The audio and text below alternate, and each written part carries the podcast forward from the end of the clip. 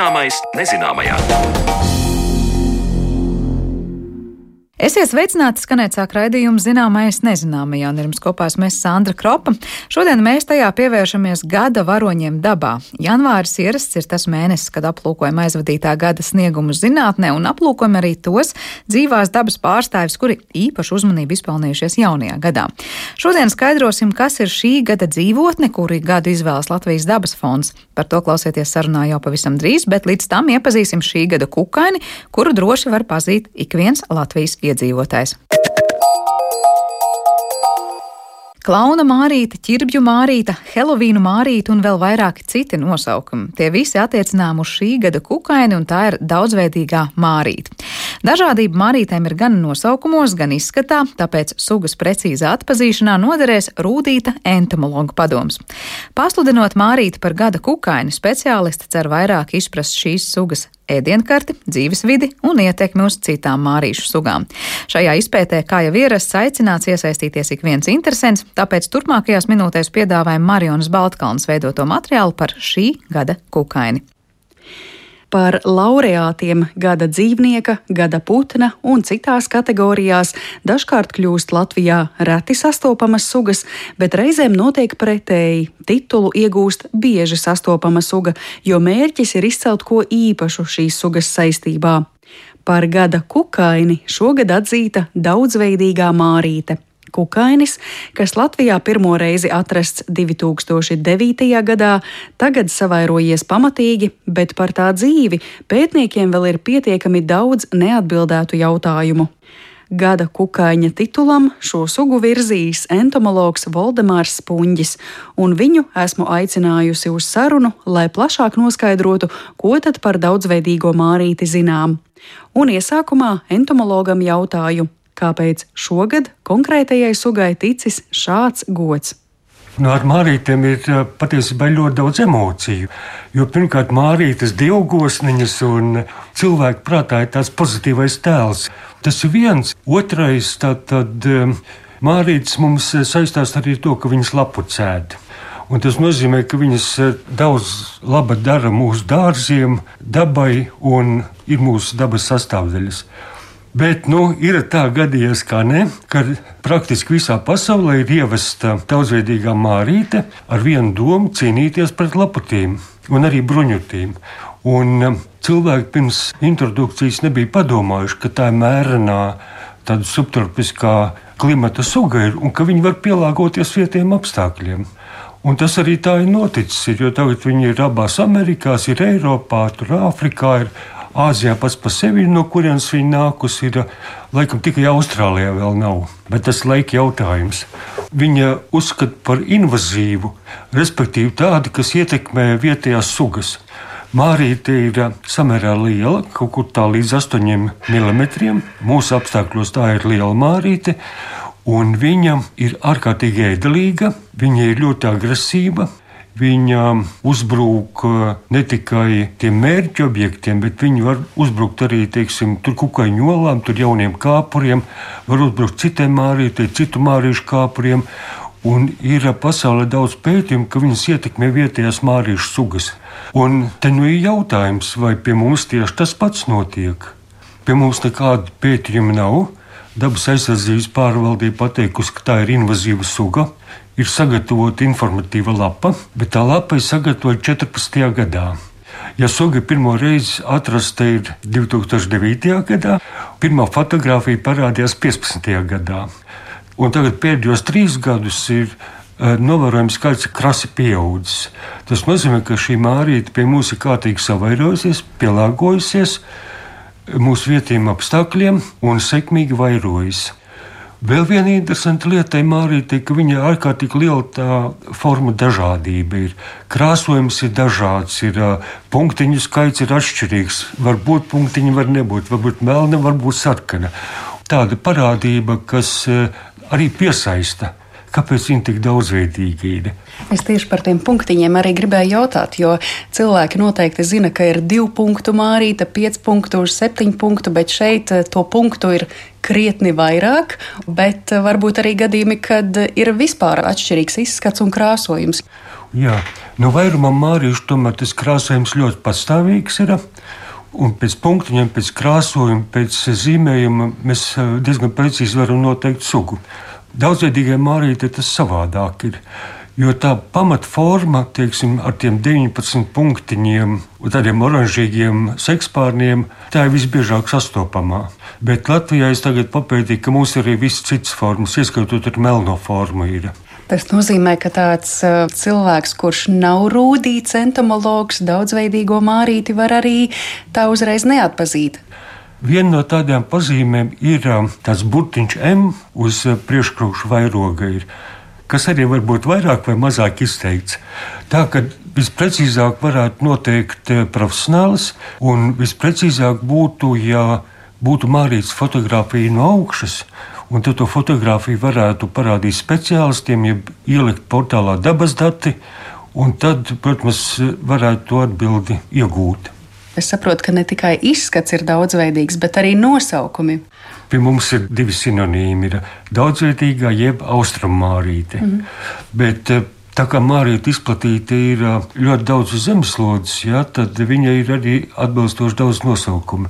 Vai tā ir klauna mārīte, vai tā ir uh, austrumu mārīte vai daudzveidīgā mārīte vai ķirbja mārīte, citreiz saka daudz vārdu mārīte. Tas tulko man angļu valodas. Jo katrā valstī, nu, iespējams, ir nosaukumi ir atšķirīgi. Ja?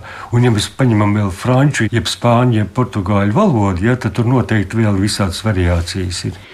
Tad vēl arī Āzijas, Dienvidu, Japānas, Helovīna mārīte un citi apzīmējumi. Daudzveidīgo mārīti vēl raksturo tas, ka tā ir kanibāls, proti tā var apēst citus savas sugas pārstāvjus, un tam ir arī nozīme. Turpina Voldemārs Spunģis. Jā, tātad kanibālisms attiecas vairāk uz kāpuriem, jo tad, kad kāpuri izšķiļās, tie, kas pirmie ir izšķīlušies, viņi var apēst tos kāpurus, kas nav izšķīlušies. Un vēl kāpuri, piemēram, ja viņiem pietrūkst tur laputu bruņutu, viņas var um, tās pašas sugas olu dējums apēst. Tas nozīmē, ka kanibālisms ir tas iekšējais populācijas regulācijas mehānisms. Ja ir maz barības un daudz mārīšu, ka viņas var apēst vienu otru. Ja tās kanibālisms nepastāvētu, es domāju, mārīšu būtu daudz, daudz vairāk. Mm -hmm. Un es patiesībā ar šo akciju gribēju arī noskaidrot, kādi mārītas loma mūsu ekosistēmās. Vai tā daudzveidīgā mārīte tiešām ietekmē mūsu 60 eh, vietējās mārīšu sugas? Varbūt arī kaut ko citu viņas ietekmē. Piemēram, cilvēkus. Jā, nu ir ziņas, ka viņas cilvēks ietekmē. Mārīte ir viena tāda īpatnība, ka uz ziemošanas periodu viņas salasās tādās grupās, un šīs grupas parasti izvēlās neapkurināmas telpas nu, cilvēki mēģina viņām tikt varbūt e, vaļā. Viņas tur lasa un spaida un visādīgi mēģina aiziet projām. Un tad Mārīts izdala tādu indīgu vielu, ko viņas izmanto aizsardzībai. Un šī indīgā viela var kaitēt kādam jūtīgam cilvēkiem. Tas Mārītī aizsardzības mehānisms pret uzbrucējiem galvenokārt putniem ir. Mm. Teiksim, ja putns pamēģina vienreiz mārīt, tad otrais viņš vairs to nevēlēsies darīt entomologa pieminētais kodīgais šķidrums, kas pie tam arī nelabi ož, ir šķidri aiztaudi jeb hemolimfa. Ja mugurkaulniekiem ir asinis, tad posmkājiem, tostarp daudzveidīgajai mārītei, tā ir hemolimfa, ko mārīte izdala no ceļu locītavām. Kā noskaidrojām, tad putniem tā patīkama nav, alerģiskiem cilvēkiem tā arī var kaitēt, tomēr mārītei dabā ir arī savi nelabvēli. Nu, viņai ienaidnieku ir uh, gana daudz, it īpaši tur, kur viņai ir dabiskais areāls, bet kādi ienaidnieki, teiksim, mūsu apstākļos ir, tas īsti nav zināms. Jo tur viņi ir specifiski parazīti, kas regulē mārītes skaitu, kur viņai pamatarēls ir. Un kādi tie regulējušie mehānismi ir, teiksim, citviet, ja? tas tā īsti nav zināms. Varbūt jāpreparē ir pieaugusi mārīte, viņas zarnu trakts un jāstāsta, vai zarnu traktā nav kaut kāda parazīti.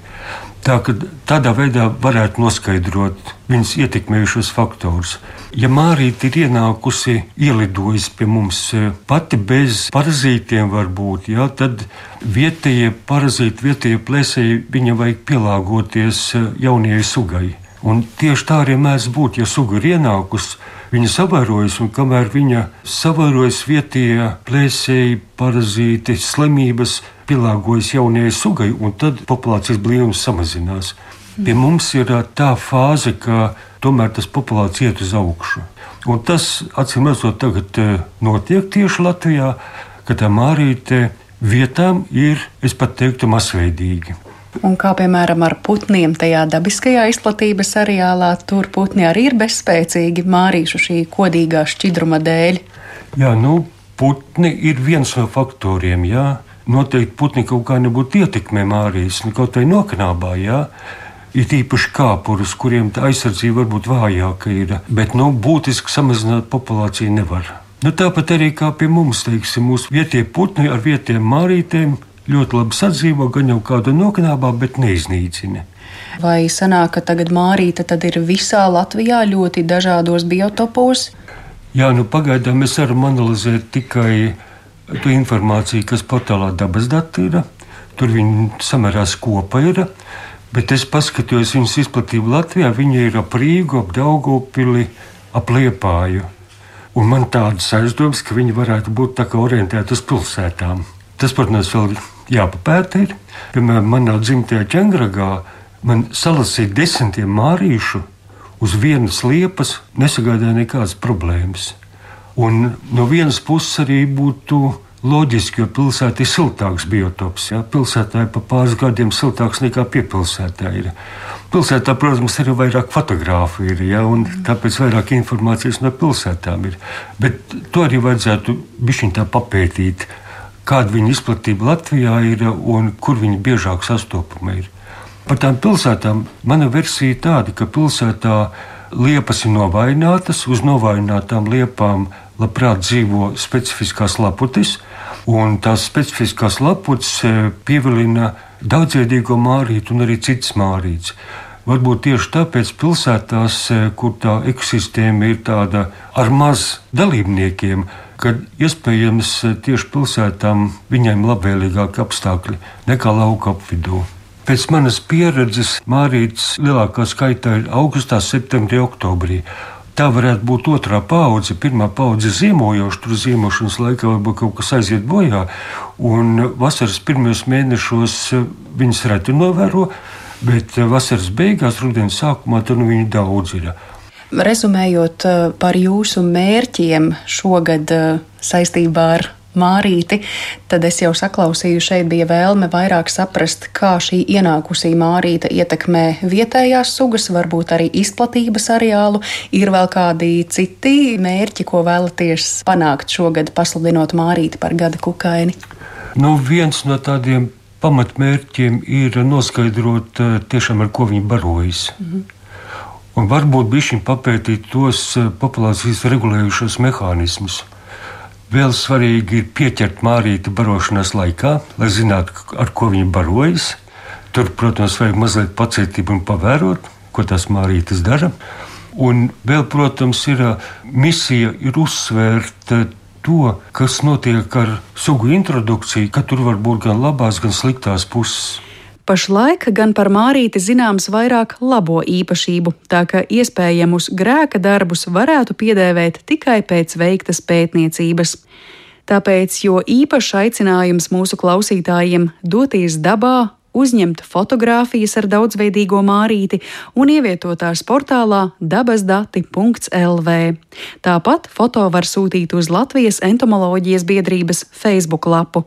Ja vien iespējams, vēlams mārīti fotografēt kopā ar barības objektu, un svarīgi ir norādīt vietu, biotopu un apstākļus, kādos fotografija uzņemta.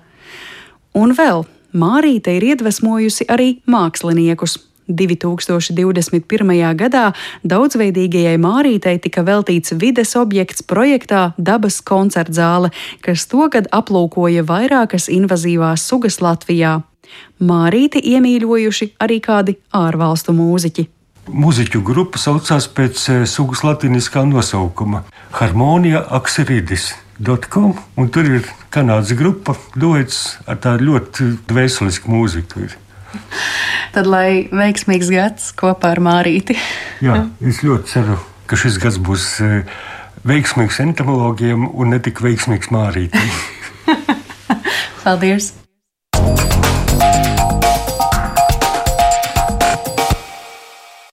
Paldies Marionai Baltkalnē par sagatavoto stāstu, bet par to, kas ir šī gada dzīvotne un kādi procesi tajā novērojami, saruna pēc brīža.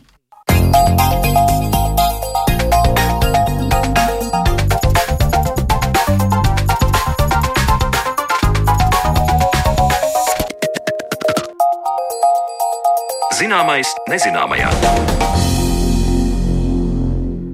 Latvijas dabas ainava ir kā milzīga puzle, un katrā no šiem puzles gabaliņiem ir mazs visums ar saviem iemītniekiem un specifiku procesiem, kuri mūsu acīm nereti ir slēpti vai dažkārt šķiet nesvarīgi. Tieši nesvarīgs varētu būt pirmā asociācija, kas daudziem saistītos ar šī gada Latvijas dabas fonda izvēlēto dzīvotni, proti kritalu. Turpmākajās minūtēs tad iepazīsim to tuvāk un izzināsim, cik aktīva dzīve valda kritalās un ar ko tās ir nozīmīgas. Un tāpēc mums studijā ir pievienojusies Evita Oļenhoviča, Latvijas dabas fonda eksperta, kā arī Daugopils universitātes pētniece un doktoranta. Labdien! Labdien! Kā arī Jānis Čūze pa telefonu kopā ar mums ornitologs un Latvijas dabas fonda pārstāvis. Sveiks, Jāni! Labdien! Sākšu ar to, kas īsti ir kritāla un kas nav kritāla. Protams, cilvēkiem, kas dodas bieži dabā vai ir ar dabas procesiem, nu ļoti saistīts šis jautājums, laikam liktos liekas, bet es domāju, ļoti daudz klausītāji patiesībā labprāt gribētu saprast, kas aiz šiem vārdiem slēpjas. Jāni, varbūt sākšu ar tevi. Jā, tā tad tā ļoti vispārīgi kritāla ir mežā guļošs atmiris koks. Un uh, ceļš, kā, kā kritāli nonāk līdz šādam, šādai stadijai, var būt ļoti dažāds. Proti, um, koks var nokrist vēl būdams dzīves, un tas var notikt, piemēram, vēja darbības rezultātā. Mums ir zināms Latvijas vēsturē arī tādas postokšas veigās, kuru rezultātā Latvijas mežos ļoti strauji palielinājās kritāla uh, apjoms. Uh, Un uh, kritāli var veidoties arī ļoti ilgstošā uh, procesā, proti koks var nokalst vēl stāvot, un tad uh, kādā brīdī tas var nogāzties. Ja arī varbūt vēl pavisam cits uh, scenārijs, kad koks pamazām uh, sabrūk, proti viņš sāk sadalīties vēl stāvot, koks tas uh, sēnes dara savu darbu, pieslēdzās putni, dzeņi, un tad koks pamazām uh, izjūg. Bet šajā gadījumā mēs tātad runājam par kritalām, tie ir veseli uh, nogāzušies koki, uh, kas mežā var sadalīties uh, ļoti ilgstošā periodā, piemēram, uh, resni uh, cietie lapu koku ozoli, uh, var sadalīties daudzu gadu desmitu laikā, un, un tieši šīs rasnās kritālas no dabas daudzveidības viedokļa mežā ir, uh, ir visspēcīgākās. Jā, par to, cik ļoti dažādas var būt kritāls un kā tās veidojās, mēs šodien vēl šīs raidījuma pusstundas laikā parunāsim, bet gribēju vēl precizēt, kāpēc Latvijas dabas fondam tāda šī gada dzīvotnes izvēle, vai ir kāds īpašs iemesls, kāpēc tieši šogad domāt par kritālām vairāk nekā citkārt? Jā, mēs ar šo izvēli vēlējāmies aktualizēt uh, meža aizsardzības jautājumus. Un uh, ir pamats uzskatīt, ka ar mirušo koku Latvijas mežos uh, viss nav uh, lieliskā kārtībā, uh, situācija ļoti nevienmērīga. Ir uh, teritorijas, it īpaši aizsargāmās dabas teritorijās, kur um, uh, mežaudzēji uh, tiek atļauts dzīvot savu uh, dabisko dzīvi, kur uh, ar mirušo koku viss ir kārtībā, bet tajā pašā laikā ir uh, saimnieciskie meži, kur uh, mirušās koksnes ir uh, ļoti maz. Un mēs vēlējāmies uzsvērt to, ka uh, kritāla tas nenozīmē nesaimnieciskumu, tas nenozīmē slimu mežu, kādiem žēl dažkārt tiek uzskatīts. Uh, mēs gribam uzsvērt to, ka kritāla ir pilnīgi dabiska uh, meža sastāvdaļa un uh, mums vajadzētu mēģināt rast kompromisu mežsaimnieciskās darbības laikā, uh, ļaujot iespēju pastāvēt arī tām ļoti daudzajām sugām, kuras uh, mežā ir ļoti cieši saistītas tieši ar guvošu mirušu koksni. Vienmēr sakot, tad eh, mērķis izglītot sabiedrību un stāstīt to, ka kritāli nav kaut kas nevajadzīgs, kas jāizvāc no meža, bet gluži otrādi vajadzīgs mežam un ļoti, ļoti dabisks eh, noteikti meža ainavas elements.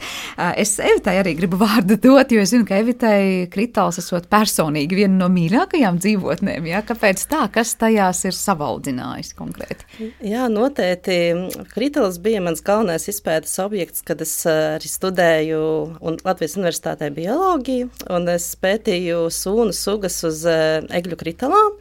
Un arī pašlaik, studējot doktorantūrā, arī kritāls ir viens no substrātiem, ko es pētu. Un pētu tieši to, kā mainās eh, dažādas sunu sugu sabiedrības dažādos meža tipos eh, atkarībā no mežaudas vecuma. Un tas ir ļoti interesanti, kāda ir šī nomaiņa un cik ļoti arī sūnas ietekmē mežaudzi kopumā. Kā ekosistēma, un cik dažādi faktori veido to sunu sugu sastāvu uz noteiktas kritelas. Tātad kritelā tur tiešām dabas daudzveidība ir nu, gan liela un plaša. Ja? Kritela ir kā vesels mazs kosmos, tā varētu teikt. Jo uz kritelas, mēs, ja mēs iztēlojamies, ka mēs ejam mežā, un apskatāmies uz tādu, pieņemsim tādu lielu, labi sadalījušos kritelu, un tāds dabas pētnieks, pas, pas, paskatoties ar lupu, vai varbūt pat ar neapbruņotu aci, uz kriteles ieraudzīs visdažādākos organismus. Tās būs gan zaļas sūnas, turklāt visdažādākās sūnas. Būs gan varbūt liels klājiens ar īsvācelītēm, starp tām būs mazi, mazi pavadieniņi ar līklapu novellijām, nedaudz iesarkanā krāsā, kas arī bija viena no dabas simboliem nesen, gada sūna iepriekšējos gados. Um, un uh, tāpat tur varēs atrast tādus ļoti interesantus organismus kā gļotsēnes, piemēram, koksnes vilkpienēnes, kas ir kā mazas uh, rozā bumbiņas vēl plazmodijas stadijā, vai ragansviestus, kas ir kā tāda kā dzeltēna, gļotaina spilta masa. Un katrā ziņā sūnu un sēņu pasauli tur ir krāšņa vārda vistiešākajā nozīmē. Ļoti, ļoti. Ja mēs virzāmies tālāk, ne tikai sūnas un sēnes, kādi citi organismi apdzīvo šo dzīvotni un kuriem tā ir ļoti būtiska? Kā jau minēju, es minēju gļotsēnes, un gļotsēnes nemaz nav sēnes, kā, kā izrādās. Un tad tās būs sūnas, gļotsēnes, sēnes, īpaši piepas un arī ķērpi. -hmm. Jāni, varbūt es domāju, un ka kukaiņi, arī būs protams, nu, kukaiņi, un pēc tam jau droši vien nonāksim arī līdz putniem svarīgām teritorijām. Jāni, kā ornitologam, gribu vaicāt arī tādu plašāku skatu uz to, kas apdzīvo kritāls. Jā, tātad, ja mēs runājam par putniem, kritāls, kā jau mirusī koksne, ir īpaši nozīmīgas deņiem, jo ir deņu sugas, kas ļoti labprāt barojās arī zemsēdzes līmenī, sakaļot arī guļošas kritāls, meklējot tur barību, tātad koksni gaužu kāpurus. Un, Tāpat arī uh, kritāls var kalpot par ļoti labu uh, likdošanas vietu. Uh, kritālās labprāt ligas būvē uh, dažādi dziedātāji putni, piemēram, var minēt tos pašus meža strazdus, uh, arī melno meža strazdi, kas mūs pavasarī šeit iepriecina Rīgā dziedot pilsētas parkos, bet nu, tādā dabiskā mežā uh, Melnie meža strāzdi ļoti labprāt uh, izvēlās likdot tieši kritalās, kur, protams, Rīgas parkos uh, nu, mēs, mēs, uh, mēs neatradīsim.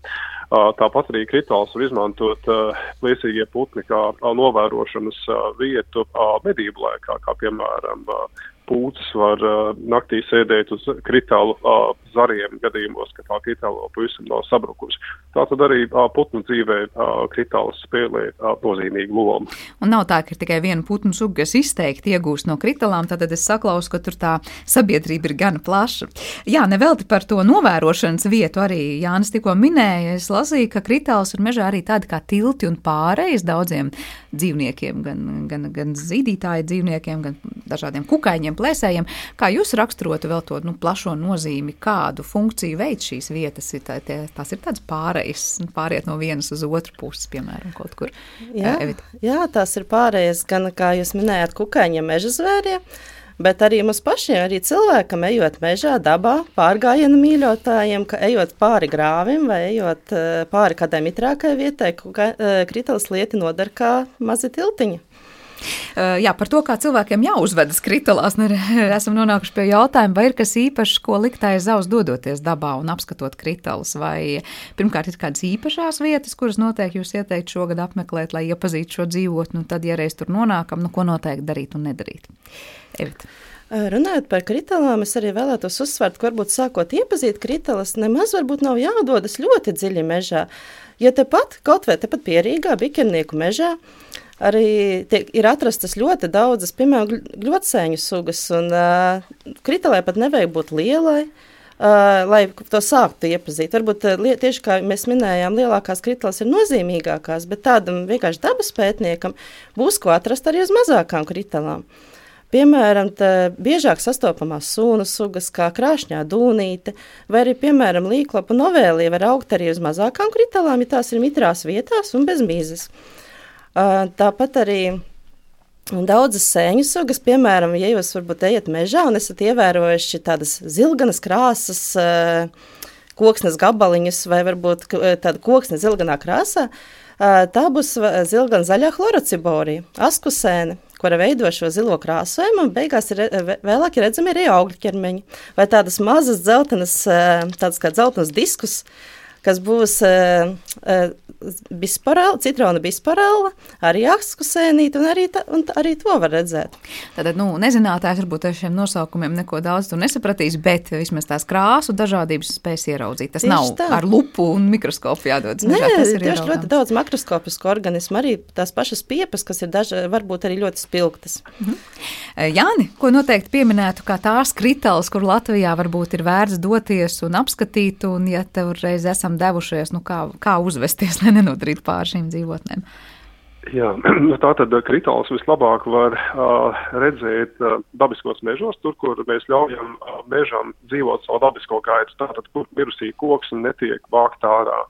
Un uh, Latvijā ir uh, ļoti labas vietas, kur to var darīt. Ja mēs runājam tepat par pierīgu, tad pirmais piemērs, ko es varu piesaukt, ir ķemeru nacionālais parks, kas ir no dabas vērtību viedokļa absolūti izcila teritorija.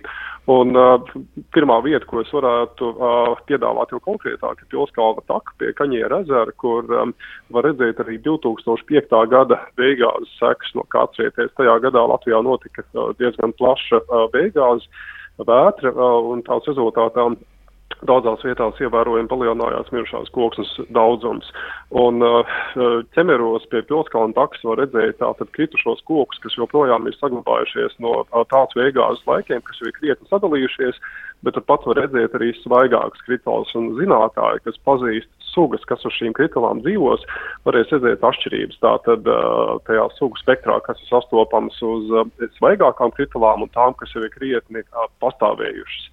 Un šajās vietās arī var ļoti labi redzēt to, kā kritāls veido to kopējo zemesēdes infrastruktūru, ja tā mēs varam izteikties, kas ir ļoti svarīgi arī tiem pašiem putniem un pētījumi, piemēram, ir pierādījuši to, ka šī daudzveidīgā, nu, ja pat vēlaties, mēs varam teikt, brikšņēnā zemesēdes, kurā ir arī daudz mirušu koku, ir ļoti svarīgi, piemēram, mežirbēm. Un, uh, tas tiek uzskatīts par vienu no iemesliem uh, šīs sugas skaita samazināšanā, ka, samazināšanās, uh, ka tieši uh, kritālu uh, trūkums daudzās vietās noved pie tā, ka šī zemesēdze kļūst ļoti vienkāršota. Jā, es te iedomājos par tām daudzajām sugām, bet ja nu cilvēks ir tāds, kurš pats varbūt nemāk daudz ko uzreiz saskatīt un saprast, ko ir ieraudzījis, laikam tas, ko kritālā katrs neatkarīgi no tā pazīstam, nepazīstam dažādas sugas, var baudīt ar droši vien tādu īpašā tiešām meža sajūtu ar smaržu un atmosfēru un skaņām, kas noteikti šajā dzīvotnē, nu, liek par sevi manīt. Es vēl gribēju pavaicāt par to, kā veidojas šīs kritāls. Jā, tu sarunas sākumā teici, ka tie ir desmiti gadu. Varbūt var vēlreiz viest skaidrību tajā, nu, kāpēc uzreiz viens nokritis koks koks droši vien vēl nebūs kritāla, bet savukārt es nezinu, cik ilgi esoši tur koks un cik daudz nokrituši kopā koki veido šo dzīvotni. Nu, mēs, mēs varētu teikt, ka kritāla ir uh, koka mūža uh, pats noslēgums. Uh, un, uh, nu, var, varbūt koku sugas, kuras uh, aug vairākus simtus gadu, kā piemēram priedi, kas var sasniegt. Mēs zinām to, ka Latvijā ir koki, kas ir gandrīz sasnieguši 500 gadu vecumu, un tad tas koks uh, var vēl uh, ilgus gadus stāvēt uh, pusnokalts, nokalts, un tad beigās vienā brīdī viņš nokrīt uz zemes un sākās jau šī uh, kritāla stadija. Uh, var, protams, būt situācijas, ka koks nokrīt uh, zaļš jau pieminēto uh, beigāžu rezultātā, un tā tad uh, esot uh, šajā jau horizontālajā stāvoklī uz zemes, uh, notiekot šim sadalīšanās procesam, uh, Tas process var būt ļoti dažāds ilguma ziņā. Mīkstiem lapukokiem, kā piemēram bērziem, baltākšņiem, šī sadalīšanās notiek salīdzinoši strauji. Savukārt cietiem lapukokiem, tādiem kā ozols, it īpaši ļoti rastiem kokiem, tātad tas var būt ļoti ilgs process. Un ir kukaiņu sugas, kas ir pielāgojušās dzīvē tieši šādos resnos kritušos ozolos, kur vienas, viena kāpura attīstīšanās periods var būt pat vairāk kā 5 gadus ilgs. Un tas nozīmē, ka nu, tieši šie ļoti rasnie kritušie koki viņi nodrošina vajadzīgo mikroklimatu, jo tādas tievākas kritāls viņas varbūt nav tik termiski noturīgas, viņas vairāk caursalst, Un savukārt šajos rasnījos kokos tātad šie apstākļi ir, ir piemēroti tieši tam, lai tur varētu notikt šī ļoti ilgstošā attīstība. Un tad tas koks var sadalīties uh, pat vairākus desmitgadus, kā jau es teicu, un tad pamazām atkal pārvērsties augsnē un nodrošināt apstākļus tam, lai mežā varētu augt atkal jauni koki. Jā, un te mēs iedraugām un saklausām to dabisko ciklu, kur vielu apriti tiešām nu, nostrādā tā, kā par to raksta grāmatās. Bet es saprotu, ka var teikt tās kritāls, kas veidojas no, piemēram, tādiem veciem un resniem lapu kokiem, būs bioloģiski vienmēr augstvērtīgākas nekā, piemēram, tās, kas būs no kaut kādiem netiki resniem skuju kokiem, vai tā gluži teikt nevar. Evita jau krata galvu un saka nē. Evita, lūdzu. Jā, šeit es gribētu uzsvērt, ka dažādām sugām ir nepieciešamas atšķirīgas, atšķirīgu sugu kritāls. Un šeit arī ir ļoti dažādi. Tāpat kā mēs cilvēki esam dažādi, kāds varēs dzīvot jebkurā mītnē, kad tik, ir piemēram kādas minimālie komforta apstākļi, un kāda vajadzēs kādas noteiktas vietas. Tāpat arī sugām ir sugas, kas var apdzīvot dažādus koku sugu kritālus, bet pamatā tomēr sugas būs specializējušās un apdzīvos tieši noteiktas sugas kritālus. Un, um, Tas ir arī piemērs ar daudzām uh, retām sugām, kurām vajadzēs tieši noteiktas sugas, piemēram, eglis kritela, tieši noteiktā sadalīšanās pakāpē, lai tā būtu noteikti satrupēs, tā nebūs svaiga kritela. Uh, Un tieši tāpēc ļoti svarīgi uzturēt ļoti dažādās mežaudzēs atšķirīgu koku sugu kritlās, atšķirīgās sadalīšanās pakāpēs, jo katra koku suga, katra sadalīšanās pakāpe ir specifiska niša kādai sugai, kādam organismam. Un tad, laikam, nonākam arī pie tā, cik ļoti svarīgi ir saglabāt meža konkrēti vecumu, lai varētu tās kritāls veidoties. Jāni, būs kas piebilstams pie tikko teiktā vēl. Jā, tātad par, par to meža vecumu runājot, tas ir tāds interesants jautājums tajā brīdī, kad mēs sākam runāt par dabisku mežu, jo dabiskā mežā, kur ir nodrošināta dabiska koku pauģu nomaiņa, mēs vienlaikus redzēsim dažādu tātad pauģu kokus, gan ļoti vecus, gan arī ļoti jaunus, tādus, kas tikko kā, kā dīksti parādījušies ārā no, no sūnām. Un arī šīs kritāls būs ļoti dažādā vecumā, un līdz ar to arī uh, šie dabiskie meži sniedz vislabākās iespējas arī daudzajām sugām, kas saistītas tieši ar, ar kritalām un, un mirušo koku un tādā plašākā izpratnē. Eh, runājot par dažādiem mūsu geogrāfiskajiem novietojumiem, kur katrs atrodas, protams, tagad daudzi var iedomāties Latvijas dabu un to, cik dažādas tās kritāls var būt. Vai mēs runājam par kritālām kā dzīvotnēm vairāk tādos tā kā mūsu platuma grādos, vai arī krietni uz dienvidiem šīs kritāls ir izplatītas un tikpat būtiskas un svarīgas? Kā ir, vai tie ir tādi boreālie mēži vai mūsu platuma grādu mēži, vai arī tālu dienvidos kritāls ir sastopams? Jānis Lēkam gribēja ko pateikt. Jā, nu kritāls, protams, ir, ir sastopamas jebkur, kur ir sastopama koki, tikai uh, kombinācijā tām nāks līdz pavisam atšķirīgi sugu sastāvi, tātad šīs kritāls apdzīvojošie sugu sastāvi. Tāpat arī tepat, nu, Latvijas apstākļos mēs varam redzēt to, ka uz kritālām, kas dzīvo, piemēram, gaišos saulēnos mežos, piemēram, priežu silos, kur ir nokritusi kāda veca priede, dzīvos pavisam cits sugu komplekts, ja tā mēs varam varam teikt, nekā, piemēram, mitrā mežā, kur ir uh, nokritus, piemēram, uh, rāsna eigla. Tur tas, uh, piemēram, sūnu uh, sugu, uh, tas, tas spektrs būs pavisam uh, atšķirīgs. Mhm. Evita, vēl gribēs ko piebilst? Jā, es pilnīgi pievienojos Jānim, ka būs. Uh, Pilnīgi, viss būs ļoti atkarīgs gan no, jā, tieši kādas, no, no mežaudzes, no no apstākļiem, piemēram, mitruma, mitros apstākļos, kaut kādā, piemēram, mitrākā mežaudzē, piemēram, melnaukšņu mežos, vairāk būs pārstāv, uz kritalām vairāk būs pārstāvētas sūnas, gļotsēnes.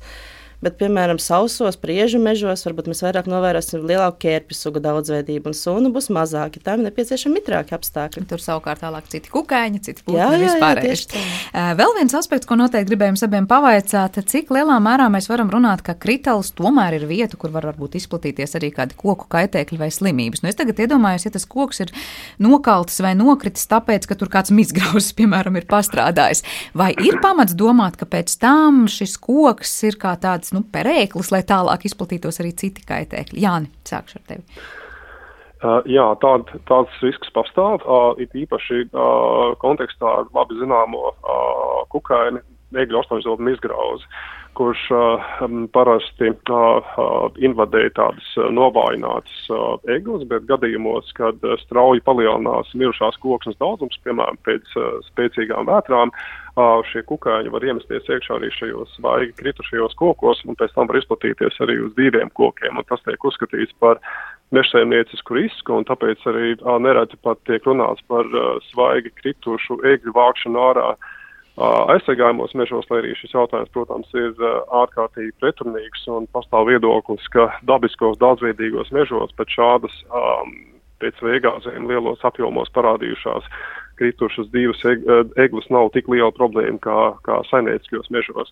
Bet uh, tas ir jautājums, kuram noteikti ir vērts pievērst uzmanību. Uh, kaut gan uh, nu, tas, tas pamatlikums joprojām ir tāds, ka saistībā ar uh, dzīvām, tikko svaigi kritušām kritalām un um, jau tādām, kas savu laiku ir pastāvējušas, tur būs uh, pilnīgi atšķirīgs tas kukaiņu sugu spektrs, un jo lielāka ir šī, uh, šī atšķirība tajā uh, laika periodā pēc nokrišanas, jo atšķirīgāks šis uh, sugu komplekts uh, uz šīs kritāls būs uh, atrodams.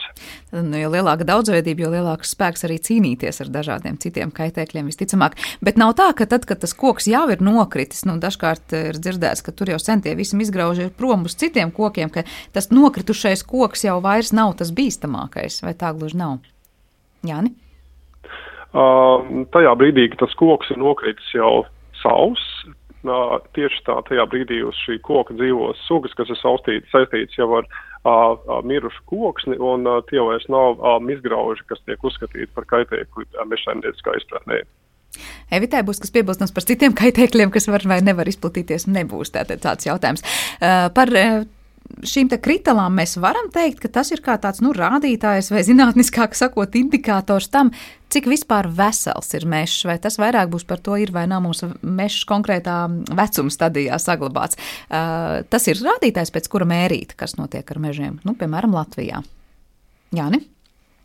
Jā, tas viennozīmīgi ir viens no rādītājiem, jo mirušās koksnes daudzums mežā ir viens no uh, meža bioloģiskās kvalitātes rādītājiem. Un, uh, ir jāskatās nevis tikai uh, mirušās koksnes daudzums, piemēram, kubikmetros, bet jāskatās arī uz to, kāda ir šī mirušā koksne. Jo var būt situācijas, kad mežā ir liels daudzums uh, mazu dimensiju mirušās koksnes, tātad uh, tievu kritušu koku, uh, bet šiem kokiem tā dabas vērtība ir krietni mazāka nekā rasniem kokiem, tieši tāpēc, ka viņi ātrāk uh, mežā sadalās. Uh, tātad viņu kā kritāls mūši krietni īsāks, un otrs arī tas, ka tātad šīs no dabas aizsardzības viedokļa uh, nozīmīgākās sugas uh, ir mazāk saistītas ar šīm tievajām kritālām, bet tās vairāk saistītas tieši ar, ar resnajiem kokiem. Bet tur uh, lielu lomu spēlē arī mikroklimats. Jo, piemēram, mitrās vietās šīs kritāls var sadalīties atšķirīgāk nekā vietās, kur šis mikroklimats ir sauss un kur tā kritāla ir vairāk eksponēta saules gaismai. Ja mēs tā kopumā raudzītos, pamazām jau tuvojoties raidījuma noslēgumam par to, kādā stāvoklī ir Latvijas meži un kritāls Latvijā, es saprotu, ka Latvijas dabas fonds arī izvēloties šo dzīvotni, kā jau mēs noskaidrojam, mēģina, nu, saka, aicināt cilvēkus aizdomāties par šo vietu nozīmīgumu, tomēr mēs teiktu, tā tendence ir krietni samazināties, pārāk ātri samazināties, vai, es nezinu, mums ir pārāk maz kopumā šo veco mežu, un līdz ar to arī bioloģiski daudzveidīgo kritālu. Kā Jānis sākš ar tevi tur raksturot? Saprotu to stāvokli, kādā mēs esam un kur mēs virzāmies?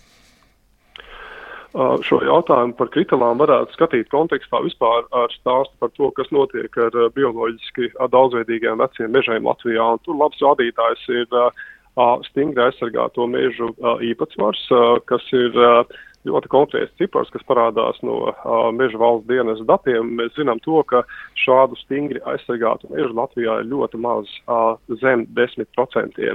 Un, uh, tātad uh, tieši šajos stingri aizsargātajos mežos notiek visi tie procesi, kas ir um, uh, dabai nozīmīgi, un starp šiem procesiem svarīgi, svarīgs, svarīgs sastāvdaļa ir arī šī mirušās koksnes uzkāršanās mežā, tātad kritālu uh, dabiska pastāvēšana. Un, uh, Mēs uzskatām, ka Latvijā šo īpaši aizsargājumu mežu uh, īpatsvaru vajadzētu būtiski palielināt. Tāpat arī vajadzētu domāt par uh, dabai dabas daudzveidībai draudzīgāku mežsaimniecības praksi ārpus īpaši aizsargājumām teritorijām. Un tur mirušās koksnes saglabāšana ir viens no ļoti nozīmīgiem aspektiem. Tā kā tās ir par saimnieciskiem mežiem, ka gribētos, lai arī tur cilvēki vairāk novērtētu kritālu nozīmes. Pareizi saklausīt. Tieši tā, jā. Tātad mēs ceram, ka šīs, šī gada akcijas rezultātā būs cilvēki, kas sāks savādāk skatīties uz kritalām, jo, diemžēl, ir gadījumi, kad saimnieki pēc labākās izsaziņas saimniekojot vienkārši cenšas šīs kritālas izvākt ārā no meža, tāpēc, ka viņi uzskata, ka kritāla mežā tas ir tā ir slikta saimnieka pazīme. Bet tas tā nebūtu nav pareizā vietā atstāt kritāla var spēlēt ļoti nozīmīgu lomu tātad gan meža daudzveidības saglabāšanā un uh, arī nekādā veidā neapdraudēt uh, meža īpašnieku saimnieciskās intereses. Evita droši vien arī, kas piebilstams par to laba vai slikta meža saimnieku pazīmi ir kritāla saimnieciskajā mežā. Jā, es pilnībā piekrītu Jāņa paustajiem, un jā, man arī gribētos uzsvērt, ka patiesībā katra meža atstāta kritāla arī saimnieciskajos mežos palielinās šī meža vērtība, būs kā jauna dzīvotne, kur izplatīties sugām, sat, pilnībā satrūdot iepriekšējiem substrātam, Un, uh, varbūt uh, arī saimnieciskajos mežos saprotot šīs intereses, varbūt uh, arī kritālu izmantošanu malkai un citiem saimnieciskiem mērķiem. Protams, uh, varbūt uh, nav nepieciešams atstāt pilnībā, nu, ja, saimnie, ja, ja šīs kritāls ir nepieciešams saimnieciskiem mērķiem, tās, uh, protams, var, izmantot, bet, uh, bet katra arī atstātā kritāla būs kā maza, maza saliņa, kur patvērties šai daudzveidībai. Ir skaidrs, ko mēs gribam panākt, lai mēs kā sabiedrība uzzinātu par kritalām šajā gadā, par šī gada īpašo dzīvotni. To, protams, jūs jau saklausīju. E, vēlētos noslēgt šo sarunu ar jautājumu, ko paši pētnieki vai dabas eksperti vēl grib uzzināt, vai kas ir tie nezināmie, mazzināmie jautājumi par šīm dzīvotnēm. Evit, sākšu ar jums, un tad um, Jānim noslēdzošie vārdi.